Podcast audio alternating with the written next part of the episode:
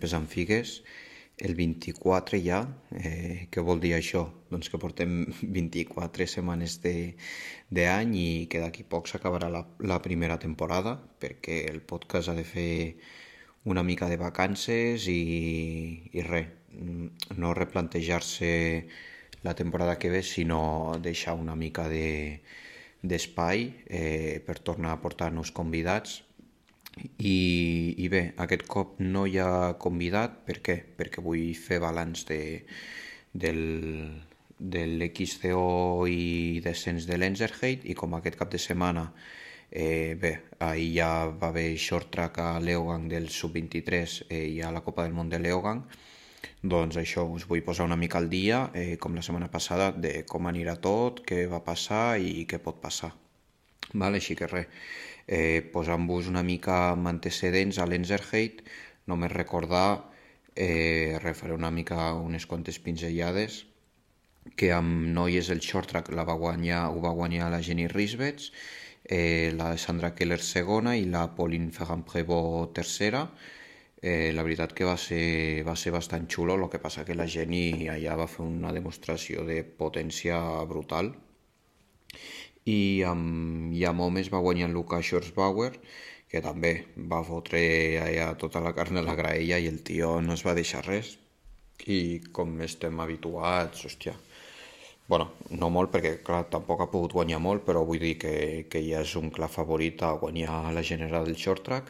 Segon va fer el Jordan Sagu, que la temporada la, no la va començar molt bé simplement perquè s'havia lesionat, però ostres, ara està en un estat de forma brutal, eh? perquè eh, després direm els resultats del cross country, però bé, ha fet dos podis el passat cap de setmana, i tercer eh, Sebastian Fini, el danès, que, que també està en un estat de forma molt, molt bo. Eh, què dir, que el Nino, per exemple, va fer, em sembla que el 14 o 15, perquè va caure, el Sam Gage va relliscar i ells van portar al Nino Eh, això va ser el divendres. Eh, després, el, dis, el dissabte, com hi havia la cursa de cross country, de, eh, perdó, de descens, debutava un anglès, o sigui, era la seva primera cursa amb èlit amb una Copa del Món i va guanyar, o sigui, una cosa bestial, eh, el Jordan Williams. Eh, segon va fer Loris Bergier i tercer el, Loic Bruni, és a dir, dos francesos completen el podi i amb noies la Rachel Atherton, eh, mare i guanyadora de la Copa del Món, una cosa també bastant bèstia. O sigui que amb, un, amb fèmines guanya una mare i amb, i amb l'apartat masculí guanya un xavalet. I segona amb fèmines va fer la Camille Valanche i tercera la Nina Hoffman. Val? Eh, tema sub-23 no, no ho he comentat, però, però bueno, el, el cross country el va guanyar el Dario Lilo, segon l'Adrien Boixís i el Carter Woods, i amb noies la Ronja Bloschinger, eh, segona la Ginia Calu Caluori, que les dues són suïsses, i tercera la danesa que anava de líder, la Sophie Peder Pedersen.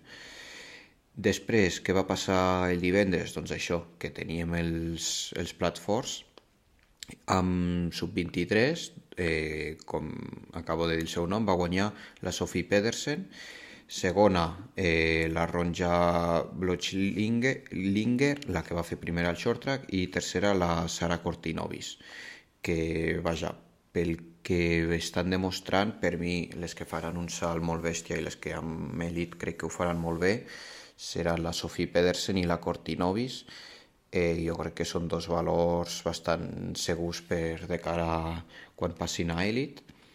I amb, amb nois va guanyar el Dario Lilo, segon el Carter Woods i tercer l'Adrien Boixís. Ja veieu que els noms sempre són una mica els mateixos, van canviant de, de posició una miqueta. Res, això ho passo ràpid perquè al final eh, ja us dic, el plat fort venia una mica més tard amb les noies i què va passar? doncs, que va tornar a guanyar eh, després d'uns quants mesos la Loana Lecomte, que, bueno, la veritat que sempre està allà, però últimament amb aquestes curses no, no havia pogut guanyar o no havia pogut, no sé, estar de favorita perquè últimament ningú la posava a la casa d'apostes de les tres primeres, per dir alguna cosa. Sí que sempre se la posa al top 10, top 5, però això va, va atacar, em sembla que va ser la última volta i, ostres, l'atac va ser bastant bèstia perquè tampoc es va aixecar de la bici, com, no sé, es va, es va fotre ja sentada i va deixar la Pauline que, que la Pauline jo crec que se li va fer una mica llarg perquè clar, anava segona i de la segona posició va caure a la quarta, a la meta i segona va fer una, una corredora que ja porta molts anys, que va guanyar aquí a Bainor un any, la Neterspra, i tercera l'Alessandra Keller, que per mi està sent la, la més regular. I a part de la Pauline, ostres, amb l'edat que té la Keller i tal, jo crec que ara ja sí que s'està consolidant a, al top mundial. Eh? Cinquena la Puck Peters, que és la que anava líder de, de la Copa del Món. I després amb nois, què va passar? Doncs res, que un noi anomenat Nino Schurter només li, fal li faltava una victòria per desempatar amb l'Absalon amb victòries de Copa del Món i va guanyar. Clar, aquest cop eh, no tenia el Matías Flukiger, és a dir, al, al principi de cursa sí que el tenia, però com el Matías estava s'estava recuperant d'una lesió, no estava del tot fi, doncs clar, el Nino va aprofitar i com menys rivals millor, i això, 34a victòria de, eh, amb una Copa del Món, eh, em sembla que a ella no li queda res per, per batre. Eh, clar, un corredor que, per exemple, europeus només n'ha aconseguit un, però perquè no s'hi presenta mai. És una de les curses que no, no li interessa com a preparació, perquè normalment per dates no li cau molt bé, o bueno, simplement potser personalment no, no li agrada fer-les.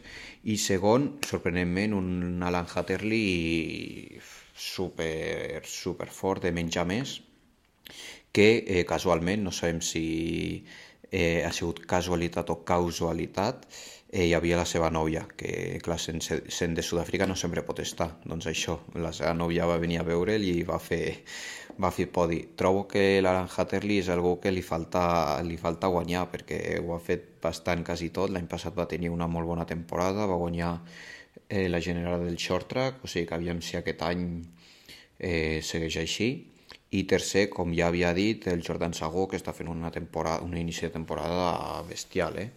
Eh, fer tercer, això va arribar a l'esprint amb el Thomas Griot, el seu compatriota de l'equip Canyon, eh, i res, eh, per unes, per, una, per unes mil·lèsimes va quedar davant, i cinquè va arribar el David Valero, que com ja ens té acostumats, una cursa de, de menjar més també, o sigui que va estar bastant entretinguda, el que passa que, no sé, es trobava a faltar, la veritat, un personatge tipus Pitcock, Van Der Poel o algú que posés bastant d'espectacle, però bé, eh, lo bo és que allà sempre hi ha, hi ha molts espectadors i, ostres, és una passada, eh, com a, com a experiència, eh, viure-ho, viure tot allò. I avui què, què tenim? Doncs avui tenim short track de, de, de la Copa del Món d'èlit, però ahir hi havia short track de, de sub-23, que va guanyar l'Adrien Boixís, el francès del Trinity Racing, segon el Relay Amos del Trek Factory i tercer Luke Whitman. Eh, tots aquests tres no van fer podi al short track de l'Enserheit, o sigui que està bé perquè ja les cadires es van, es van movent.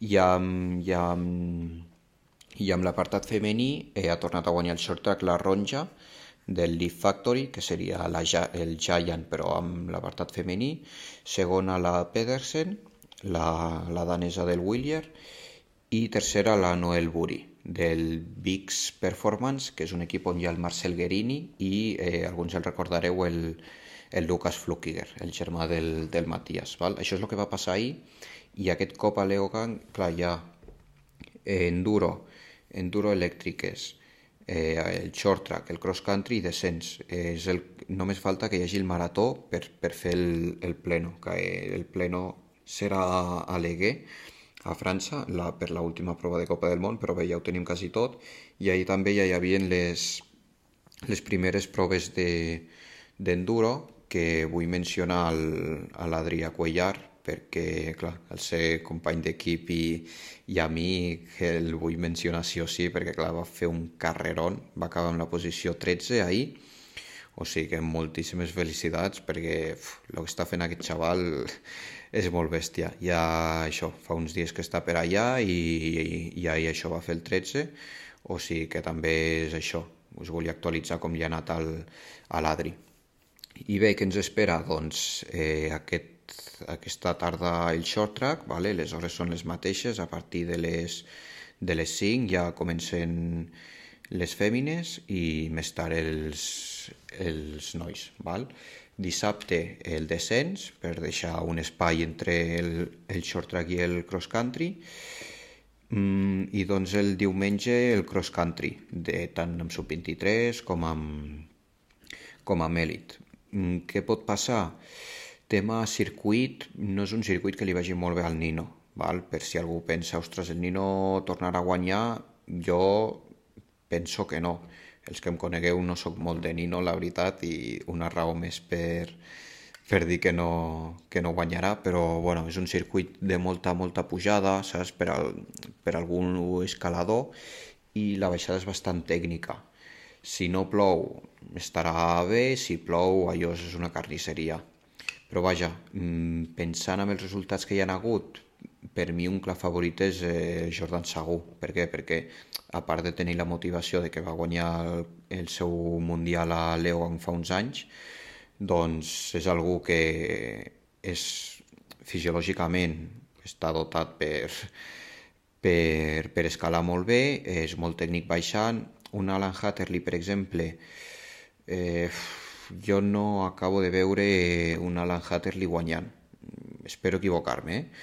Després, pensant en l'Enzerheit, els que van fer millor resultat, un Thomas Griot és un molt bon escalador, un Valero també, Daniel Ebraidot també, Sam Gage no li anirà molt bé, però bueno, recordo que l'any passat eh, sé que vaig dir, per exemple, amb uns amics que el Schwarzbauer no se li donaria molt bé el circuit i bueno, al principi va estar allà, que al final, després sí que no, però bueno, al final és tenir motivació i que és el que compta, eh? o sigui que tots sortiran a, a aviam, perquè clar, està tan obert ara, perquè respecte al resultat de l'Enzerheit, eh, cap dels que, o sigui, darrere del Nino ningú ha guanyat mai una prova de Copa del Món, a part del Daniel Ebraidot, eh, i clar, és algo que, ostres, és, et deu canviar la carrera esportiva, així que estarem molt atents així que ara faré una porra. Va, ens em mullaré una miqueta, així eh, si m'heu de retreure cosa, doncs ja, ja m'ho direu dilluns o diumenge al vespre. Així que per l'apartat femení jo crec que la Loana tornarà a guanyar mm, i segona farà la Pauline perquè primera la Loana perquè tal com està de forma i tal com és el circuit crec que li anirà molt bé. I la Polin també és un circuit que li va molt molt bé i tal com estarà de regular. Eh, crec que també estarà segona del podi. I tercera jo posaria la Puck Peters que també és molt bona escaladora i, i tècnicament no tindrà problema venint del ciclo, ciclocross allà però bueno, ja, ja s'ha vist que és un circuit molt ràpid baixant i poc tècnic, així que mm, l'apartat femení el meu podi seria aquest i en masculí doncs per mi, ostres, la veritat que m'agradaria que el Jordan Sagu guanyés, eh, crec que es mereix guanyar una Copa del Món, però clar, estarà molt més obert. Jo sincerament crec que el Luca Braidot o el Jordan Sagu estaran primers, o sigui que va, posaré Sagu primer, eh, Braidot segon i, i no sé, per què no posa l'Alan Hatterley o el Thomas Griot tercer o quart, no sé, l'ordre és una mica igual, però bueno, mmm, crec que amb nois aquest any està molt més obert, cosa que, que és xula, així que aviam, aviam si, si encerto o no. No sé si ho penjaré o no la setmana següent, aviam, depèn de quin convidat portem, i, i res, mm, aquest cop volia fer això una mica de prèvia, no tan humorística, sinó una mica més sèria, doncs que sigui una mica més objectiu, eh, de cara a això aquest cap de setmana. I el descens, aviam si França segueix regnant i seguint al podi o no, o per primer cop amb bastant de temps surten del podi, però bueno, veig difícil que almenys algun francès, ja sigui amb nois o amb noies, no, no sigui al podi. Després, eh, sortint del BTT, la setmana passada, que vam, vam fer l'episodi doncs, divendres, el dia abans, el dijous, va sortir la, la sèrie documental de Tour de, del Tour de França Unchained, eh, o Cor du Peloton, que es diu en francès, la, bueno, ho, han, ho han traduït diferent, eh, i res, jo per exemple em sembla que em queden quatre capítols o alguna així i la veritat que us la recomano. Us la recomano més que res per veure el, com es viu de dins un Tour de França, no, no per la narrativa, perquè al final no parlen tots els equips, està una mica... Mm, trobo que edulcorat, perquè al final els equips que han pagat doncs, han sigut els que han sortit, no donen veu a tothom, es nota que hi ha molta selecció i, i jo trobo que és algo que no, a mi personalment no m'agrada, perquè doncs, està molt, tot molt seleccionat i hi ha molts moments al Tour que, que pensàvem que potser podríem veure i es veu molt que ho volen tapar i que no volen saber què hi havia darrere, però bueno, la veritat que com no són molt llarguets els episodis i, i bé, per exemple, en un dels episodis doncs, hi ha la victòria del Pitcock a l'Alpe d'Huez, hi ha un dels episodis que parlen del Pinó sobretot, i parlen una mica de la seva vida extraesportiva, parlen de l'atac quan el Vingegaard guanya l'etapa i es posa de líder, que el Pogacar li agafa una mica de baixón, bueno, la veritat que, que està bé per això, per veure dins del, dels cotxes com, com parlen els corredors i bueno, alguna, alguna curiositat que, que és xula de saber, així que res. Eh, us la recomano bastant si la podeu mirar, pels que no us agradi el ciclisme, és una manera també perquè us agradi, perquè a part de que parlin els, els jefes d'equip, els directors i els corredors, parla gent que ha sigut exprofessional o, o periodistes que t'expliquen com funcionen una mica les coses. Val? És a dir, al principi et posen una mica en situació, et diuen eh, què s'ha de fer per guanyar el Tour de França, que és això, acumular, el que arribi a París en menys temps doncs és el que guanya, i bueno, la veritat que no, trobo que no, que no deixen a ningú enrere, que al final és el que fa una mica més de por quan algú no segueix algo, que no, no deixin a, a ningú enrere en aquest sentit. O sigui que ja us dic, està a Netflix, i bé, qui, qui no l'hagi mirat i ho estigui pensant, doncs la veritat que és una bona manera de passar el temps i, i divertir-se. Eh, clar, es troba a faltar doncs, això, i com, jo no ho he acabat tot, eh, però per exemple un Movistar no està, sí que un Movistar té la seva sèrie a Movistar i a Netflix, però bueno, eh, no sé, hi ha equips com l'UAE que no surten, que, que sap, sap una mica de greu que, que no parlin perquè clar, al final és, és el que va fer segon el Pogacar i no, que no hi siguin doncs, no sé, fa grinyolar una mica o dubtar una mica de, dels interessos i al final, clar, hi ha diners per darrere i, i això, interessos extraesportius, doncs no sé, no sé què pensa la veritat. Però bueno, divertida, eh? I res, us volia posar això amb, a to una mica per aquest cap de setmana, recordar-vos això que si no sabeu com seguir la cursa m'ho dieu i us passo l'enllaç per, per seguir-ho tot. Si no vau poder mirar la cursa de l'Enzerheit, eh, us puc passar la repetició sense cap problema. Eh, I res, gràcies a tothom que s'ha interessat per l'últim episodi, que no hi havia, no hi havia convidat i us va, us va agradar l'episodi així una mica més humorístic. Aquest era pues, una mica més posar al dia, així curtet, perquè passi bé. I res, farem com la setmana passada, posaré una cançó i a qui li interessi i no sàpiga quina és, doncs que m'ho demani, així hi ha més interacció. I ja està, aviam, aviam qui hi ha, no, no he comentat cap baixa perquè en principi no n'hi ha cap, val? així que això estarem pendents, un Sam Gage, per exemple, em sembla que m'ho he deixat de dir-ho, el Sam Gage no hi va perquè vol prioritzar la preparació cap a Val di Sole, ja sabem que el Pitcock en principi tampoc hi és, però bueno, tots els que hi eren a l'Engerhey doncs doncs això, eh, aviam com, com va tot, si no plou, i això, recordeu que les curses el diumenge, doncs les, les fèmines surten a les 11, 11, 11 i mitja, i els nois després ja són a les 3, val? Així que res, us deixo amb la cançó de la setmana, ja podríem dir, Eh, espero que hagueu pesat figues durant tota la setmana, senyal de que hagueu treballat molt o, o el que sigui, sigui el que sigui. I això, eh, que vagi molt bé el cap de setmana i ens retrobem al següent episodi. Una abraçada.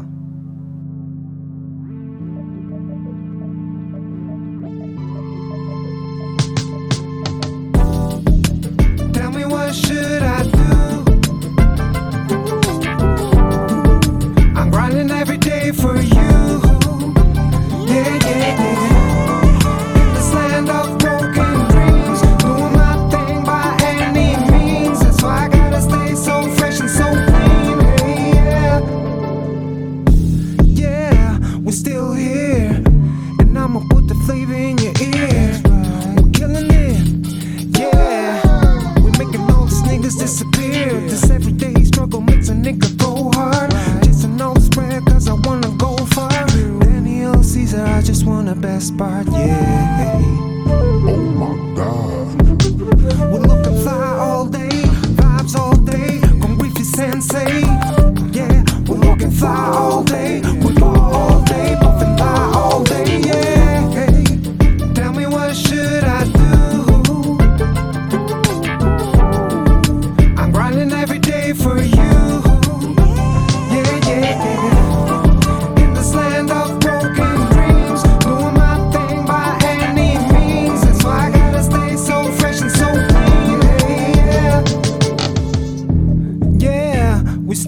Here. Did I made everything clear? You feeling it? Yeah, we gonna have a party over here. Uh-huh, uh-huh. Shit is getting crazy, they trying to deceive me. Te lo traigo fresco, yeah, you better believe me. On a different level, yeah, como el pibe. Hey, I do this 24 7 just because I already built my heaven. You know I'm the dude like Devin. Yeah, I got heart like Kevin. We ballin' like CR7. 24 7.